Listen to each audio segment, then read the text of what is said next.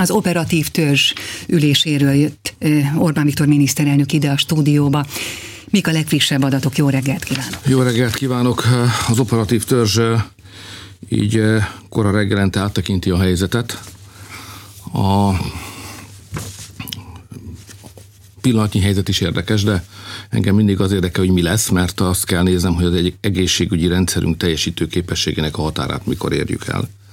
Most azt tudom mondani, hogy november 21-én a mi elemzésünk szerint kell majd 2240 intenzív ágy. Az intenzív ágy olyan, ahol, amihez van lélegeztetőkészülék, és ahol a bajban lévő emberek vannak, és hát az már nehéz helyzet. A kormány sem kiméri egyébként, meghalt az egyik főtanácsadóm, Szőcs Géza, koszorús költőnk, Isten nyugasztalja. Tehát a helyzet azért komoly.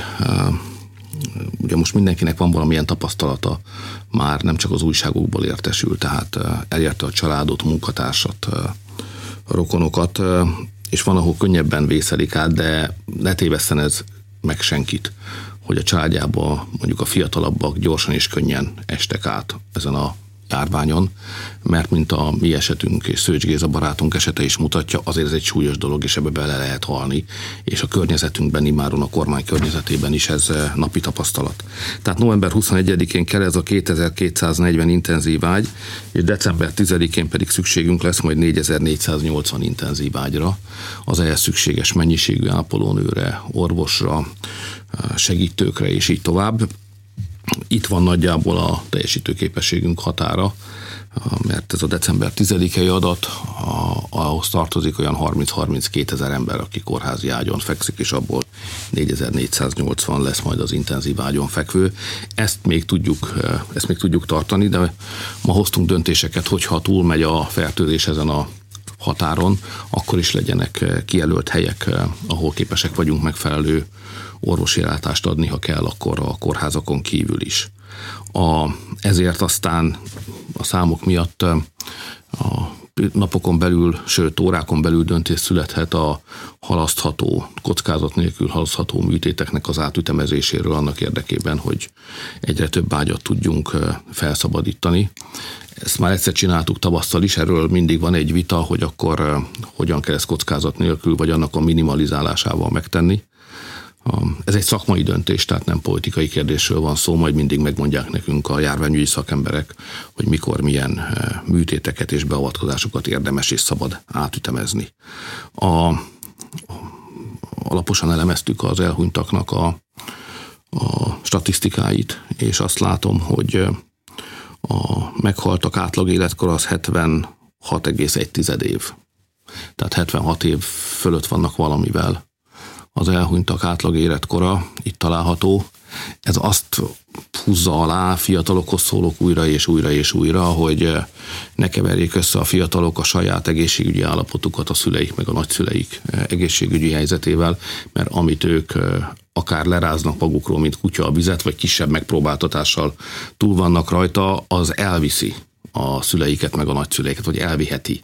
Tehát nagyon kérek minden fiatalt arra, hogy ne csak magára, hanem a szüleire és a nagyszüleire is gondoljon, hiszen a meghaltak a fertőzésen, meghaltak átlag életkora 76 év fölött van, és a nem pótolhatók a szüleink meg a nagyszüleink.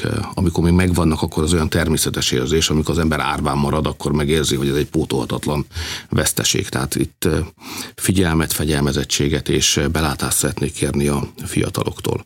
Ha a fertőzésnek a település szerkezetét nézzük, akkor a mai jelentésben azzal szembesültem, hogy van Magyarországon 3230 település, és már csak 700 olyan településünk van, ahol nincs jelen a járvány. Az összes többi helyen megjelent. 98 óvodát kellett bezárnunk, van hét olyan iskola, ahol elrendeltük a szünetet, ott semmiféle oktatás nincs, tehát nem tudták megszervezni a digitális sem, tehát hét iskola diákjai oktatáson kívül vannak most. Van 23 olyan iskolánk, ahol távoktatás van, tehát bezártuk az iskola épületet, de távoktatás van, és van 78 olyan iskolánk, ahol vegyes oktatás zajlik, fizikai jelenlét is van, meg digitális is. Megpróbáljuk nem bezárni az iskolákat a ameddig csak lehet. A WHO is ezt javasolja. Hát mindenki, meg minden, mindenki ezt javasolja. Tehát a ugye fölméréseket is végzünk rendszeresen, próbálom szondázni a vélemény alakulását, meg volt egy nemzeti konzultációnk is, tehát mindenki azt szeretné, hogy ameddig lehet, tehát az észszerűség határáig tartsuk nyitva, nyitva az iskolákat, 7 hét van hátra a szünetig, a téli szünetig, addig kellene kibírni, nem olyan egyszerű mérlegelés, ez a tegnap is hallgattam meg professzorokat, ma meg az operatív törzsen egészségügyi szakembereket is. Ugye, ha bent vannak az iskolában, akkor valami fajta rendezett kontrollat vannak a diákok. Középiskolásokról beszélek. Ha nincsenek benne az iskolába, ismerve őket, meg visszaemlékező a saját fiatalkorunkra, az nem azt jelenti, hogy otthon fognak maradni. Tehát azt kell mérlegelnünk, hogy, hogy az iskolában kontroll alatt tanulás jelente nagyobb járványügyi kockázatot, vagy pedig az, hogy ha azt mondjuk, hogy ne is jöjjenek be, és akkor lesz, ami lesz, és nem tudjuk mi. És még egyszer mondom, hát a biológia működik, és ilyenkor ebben az életkorban az ember megy.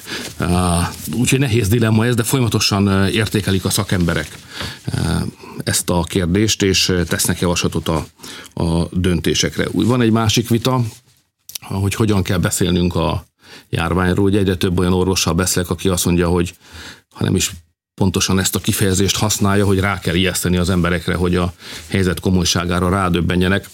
De én nem szeretném ijeszgetni a magyarokat, nekem másképpen van a magyarokról, nem kell őket megijeszteni, őszintén is komolyan kell beszélni. Tehát a helyzet nehéz, egyes helyeken súlyos, ugyanakkor az esélyeink jók, képesek vagyunk arra, hogy kezeljük a helyzetet, és hősiesen dolgozó, megismétlem újra és újra, világszínvonalú orvosaink és ápolónőink vannak, Miután tavasszal semmink nem volt, mikor a járvány beütött, és mégis sikerült, mert összefogtunk.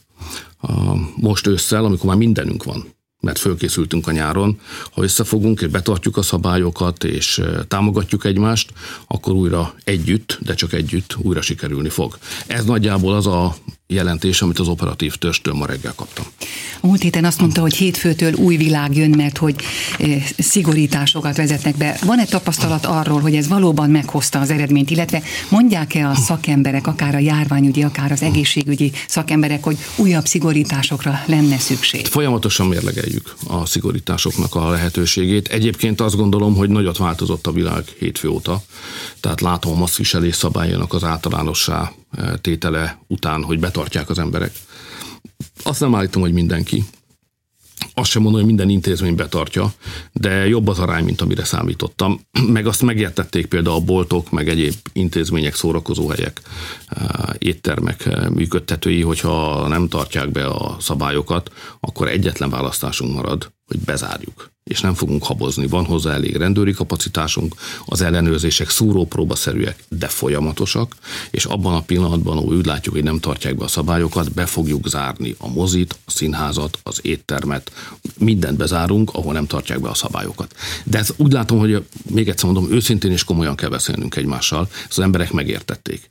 Tehát van egy kis lendriánság általában a magyar állam működésében, ez a történelmi tapasztalata az embereknek, hogy hát nem mindig kell teljesen komolyan venni azt, amit az állam mond. Most mindenkit kérek, hogy ezt a rossz szokásunkat, mi magyarok ezt tegyük félre, most komolyan kell venni. De hétfő óta úgy látom, hogy ez, hogy ez exponenciálisan nő ez a, ez a gondolkodásmód és magatartás, hogy igen, ez most egy olyan szigorítás, egy olyan intézkedés sorozat, amit nem csak kihirdettek, nem csak érdemes komolyan venni, hanem nincs más választás.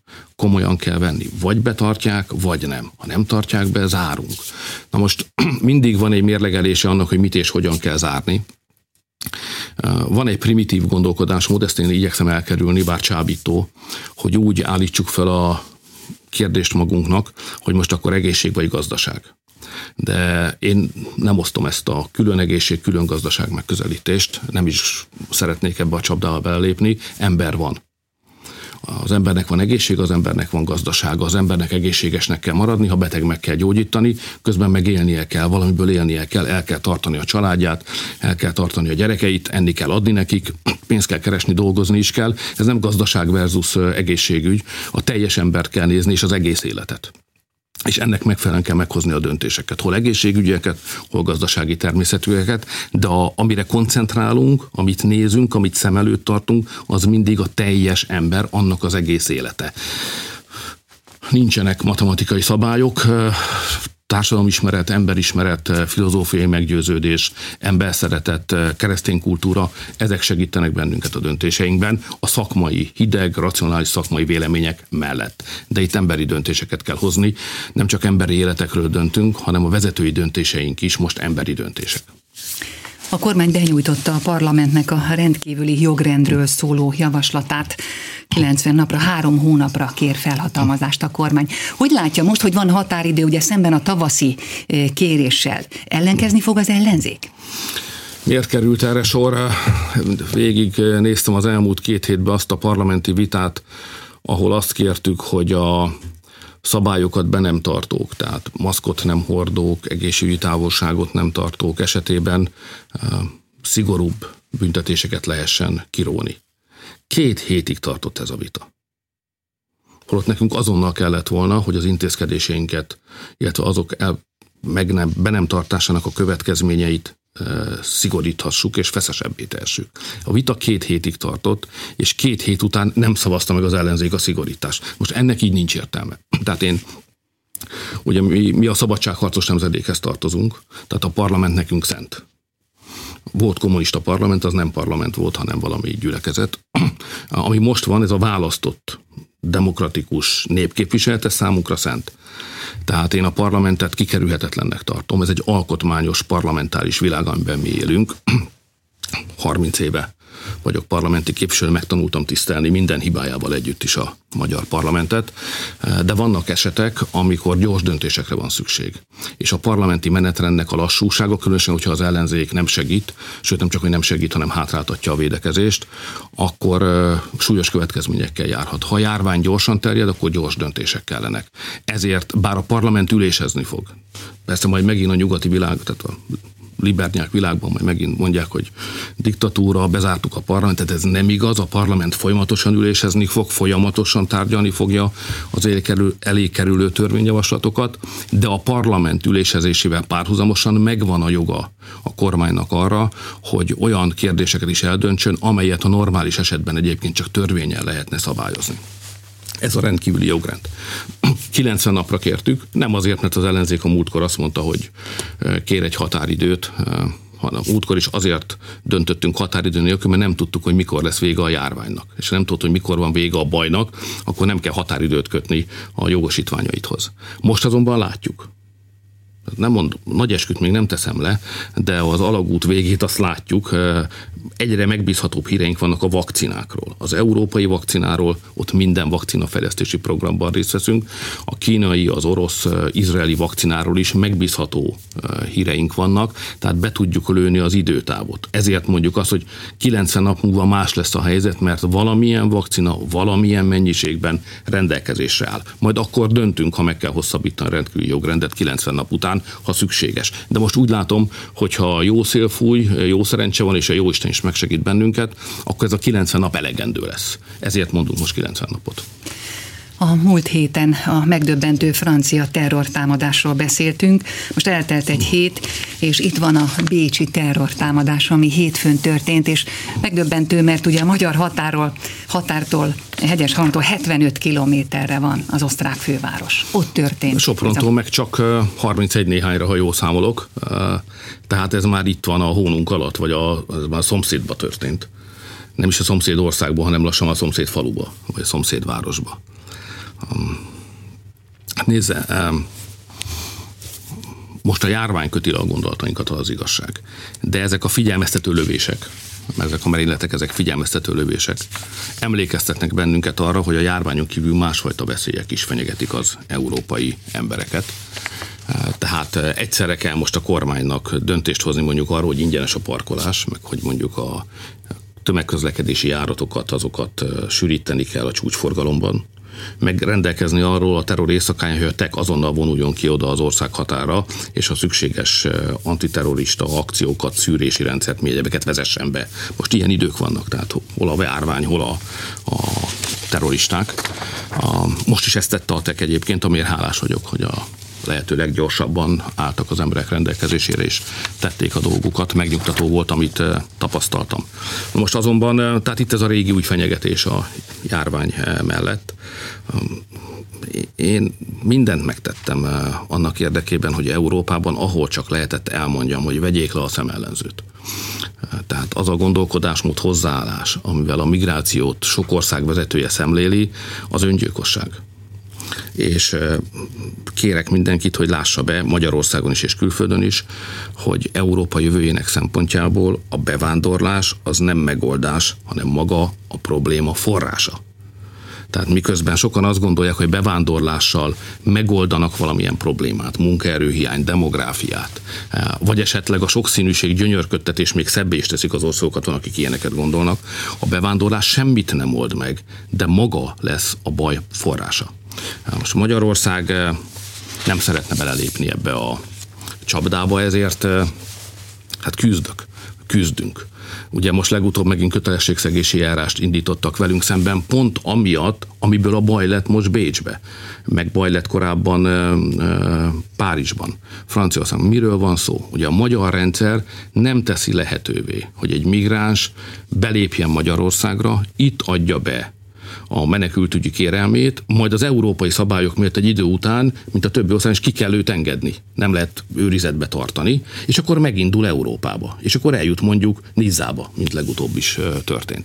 A magyar rendszer olyan, hogy menekültügyi kérelmet a bennünket körülvevő ország nagy követségei, nagy követségei lehet beadni. Azt elbíráljuk, aztán megmondjuk, hogy jöhet vagy nem. És ha nem jöhet, akkor nem jöhet, nem léphet be.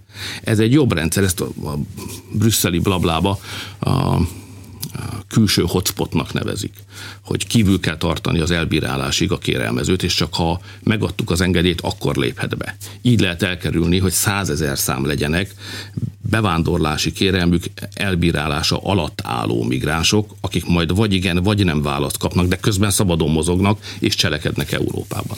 És lesznek egyébként a terrortámadások elkövetői is. Ezt mindenképpen meg akarjuk akadályozni. Ez a mi szabályunk.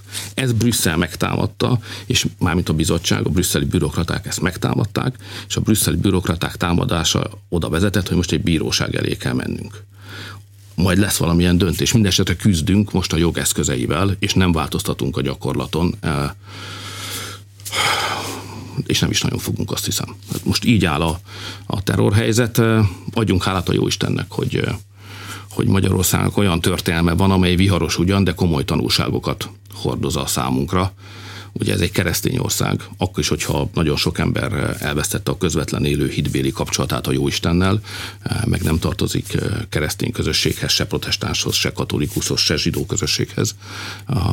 De ennek ellenére az, ennek az országnak a kultúrája keresztény. És pontosan tudjuk, hogy ennek a kultúrának van egy kisugárzása, amely nem tűri a terrort, nem tűri az erőszakot, nem engedi, hogy bárki elvehesse más embernek az életét. És ez a kultúra rendezi be a mi életünket. Ezért élünk békében, és ameddig lehet biztonságban. És nekünk az a dolgunk, a kormánynak az a dolga, hogy ezt a békés, biztonságos állapotot, amit csak a keresztény kultúra tud a számunkra garantálni, ezért föntartjuk. Ezért a biztonságunk érdekében is kell védenünk a keresztény kultúrát, ezért is került bele az alkotmányba, és ezért kötelessége a kormánynak a keresztény kultúra, és azon keresztül a béke biztonságvédelme Magyarország területén, és ebből egy ottányit sem fogok engedni. Az Európai Parlament a héten a német soros elnökséggel egy ilyen előzetes megállapodást kötött arról, hogy mégiscsak jogállamisági kritériumokhoz fogják kötni a kifizetéseket az elkövetkező 7 éves költségvetés keretében, illetve most a gazdasági segítségcsomagban. Mi erről a véleménye? Az a véleményem, hogy Magyarországon is és Európában is minden felelősen gondolkodó politikusnak, de talán minden embernek is elsősorban a járványok kell foglalkoznia. Tehát a politikai és ideológiai vitáknak nincs szezonja. Ezek lehetnek fontosak, ezt nem tagadom el, filozófiailag izgalmasak is, de ezeknek nem most van az idejük, most baj van. Az európai gazdaság fejreállt, talpára kell állítani újra, és a járványra szemben meg kell védeni az embereket, ma ez számít. És ezért azt gondolom, hogy az a feladatunk, hogy minél gyorsabban juttassuk el, most pénzről beszélünk, és a gazdasági válságkezelő csomagról, meg a költségvetésről, minél gyorsabban eljuttassuk a szükséges forrásokat azokhoz az országokhoz, amelyek már térden állnak, vagy legalábbis nagyon komoly bajban vannak. Itt a déli országokról beszélünk elsősorban. Magyarországot ez kevésbé érinti, mert Magyarországnak a következő két évhez szükséges, a gazdaság működéséhez szükséges források, pénzügyi források a következő két évre rendelkezésre állnak. Akiket érint a halogatás, a fölösleges politikai viták okozta időveszteség, azok a déli államok. Ezért a vitákat félre kell tenni, és a pénzt oda kell adni azoknak, akiknek szükségük van rá, hogy kisegíthessék a gazdaságukat, meg a saját állampolgáraikat abból a gazdasági bajból és katasztrófából, ami felé egyébként tartanak. Igen ám, de a fukar államok lehet, hogy megteszik majd Magyarországot vagy Lengyelországot bűnbaknak, és ezt mondják a déli tagállamoknak, hogy lám, azért nem kapjátok meg a segítséget, a közvetlen pénzügyi segítséget, mert ez a két állam nem hajlandó bele, elfogadni ezt a kritériumot. Hát csúnya, magyar nyelv szempontjából csúnya, de pontos válaszom erre az, hogy szokva vagyunk. Tehát az, hogy hol, ki, mit mond rólunk, nézze, én már túl vagyok azon, eladósorban lévő lányokat ez izgathatja, de én már ezen túl vagyok. Tehát, hogy hol, ki, mit mond, meg Soros Györgynek a, a tenyeréből etetett újságírók, meg politikusok mit mondanak, hát ez, ha megengedi, nem, minden tiszteletem ellenére is, hát olyan nagyon nem hoz lázba, vagy nem okoz álmatlan éjszakákat, teszem a dolgomat, az kész, akármit is mondanak. Magyarország nem zsarolható ország természetesen. A jogállami vitáról pontosan tudjuk, hogy bár a szó ezt sugalja, hogy jog, ez nem jogi vita, ez egy politikai vita, és a politikai viták mögött Európában mindig a migráció húzódik meg. Soros György négy éve elmondta, leírta, olvasható, hogy ne adjanak semmilyen költségvetési támogatást azoknak, akik nem engedik be a migránsokat. Pont ez ilyen egyszerű. Nem fogjuk beengedni a migránsokat, ami pénz jár nekünk, ahhoz hozzá fogunk jutni, a következő két évhez szükséges forrásaink pedig rendelkezésre állnak, a déli államokat pedig meg kell segíteni, és oda kell nekik adni a pénzt, amilyen gyorsan csak lehet. Amerikában elnök választást tartottak, még nem tudjuk a végeredményt. Mi a véleménye arról? Nem furcsa, hogy a szabadság földjén Amerikában ezer szám szavaznak halott emberek nevében? Hát nézze, Először is eh, adjuk meg a tiszteletet az Egyesült Államoknak, és eh, ne esünk abba a hibában, amiben ő néha bele szokott esni, hogy minősítget másokat, mondjuk Magyarországot. Bár eh, Trump elnök ettől tartózkodott, de a korábbi demokrata kormányzatoktól ezen volt idegen hogy úgy tekintettek Amerikára, mint hogy morális mércére, és erről a magaslatról beszéltek másokkal, másokhoz, másokról. Ennek most vége van, tehát egy ilyen választás után azt hiszem, hogy ezt a igény zárójelbe tehetjük, akárki is lesz az elnök, tehát ne viccelődjünk. Ha olyasmi történének Magyarországon, mint amik most ott, akkor itt, hát nem is tudom, lesz a leszakadt volna az ég. Tehát ez elképzelhetetlen. De nem akarjuk minősíteni az Egyesült Államokat, mert az ő dolguk, az ő vezetőjüket. Ők választják meg az amerikai nép vezetőjét, az amerikai polgárok választják, választják meg. Ebben mi nem tudunk beleszólni. Egy dolgot tudunk tenni, meg is szoktuk tenni, világosan elmondjuk a véleményünket az amerikai-magyar kapcsolatokról. És itt az a helyzet, hogy Trump elnök egy olyan elnök, aki Magyarország barátja. A magyar külpolitika arra épül, mióta én vagyok érte felelős, hogy barátokat gyűjtsünk a világba. Tehát mi nem ellenségeket gyűjtünk, ezért nem is minősítgetünk senkit. Nem akarunk sem morális, sem politikai ítészek lenni semmilyen ügyben. Minden ország szuverén, majd elrendezi a saját dolgát, ez alapvetően a saját népükre tartozik. Azt tudom mondani, hogy mióta Trump elnök vezeti az Egyesült Államokat, az magyar-amerikai kapcsolatok a valaha mutatott legjobb formájukat futják. Ez nem volt korábban így. Csak 2015 óta, azt hiszem 16-ban lépett hivatalba az elnök úr, 15-ös adatom van, azóta 20%-kal nőtt a két ország közötti kereskedelmi termékforgalom. A működik Magyarországon 1700 amerikai vállalat, és ez több mint 100 ezek, ez az 1700 vállalat, több mint 100 ezer magyar embernek ad munkát, tehát ennyi családnak biztosít kenyeret. Ha megnézzük az 50 legnagyobb világban jegyzett nagy amerikai vállalatot, abból 40 Magyarországon is működik. A most a napokban távozott Konstény nagykövet úr kiváló munkát végzett az Trump elnök támogatásával, és fellendítette az amerikai-magyar kapcsolatokat. Ezt kellene valahogy megőriznünk a jövőben függetlenül a választás eredményétől. Én ezért mindig is Trump elnök úr mellett álltam, az eredmény meg lesz, amilyen lesz, az amerikai nép joga, hogy eldöntse, hogy ki kormányozza Amerikát. Zárójelben mondom, az meg a magyarok dolga, hogy kik és hogyan kormányozzák Magyarországot. Köszönöm. Orbán Viktor miniszterelnököt hallották.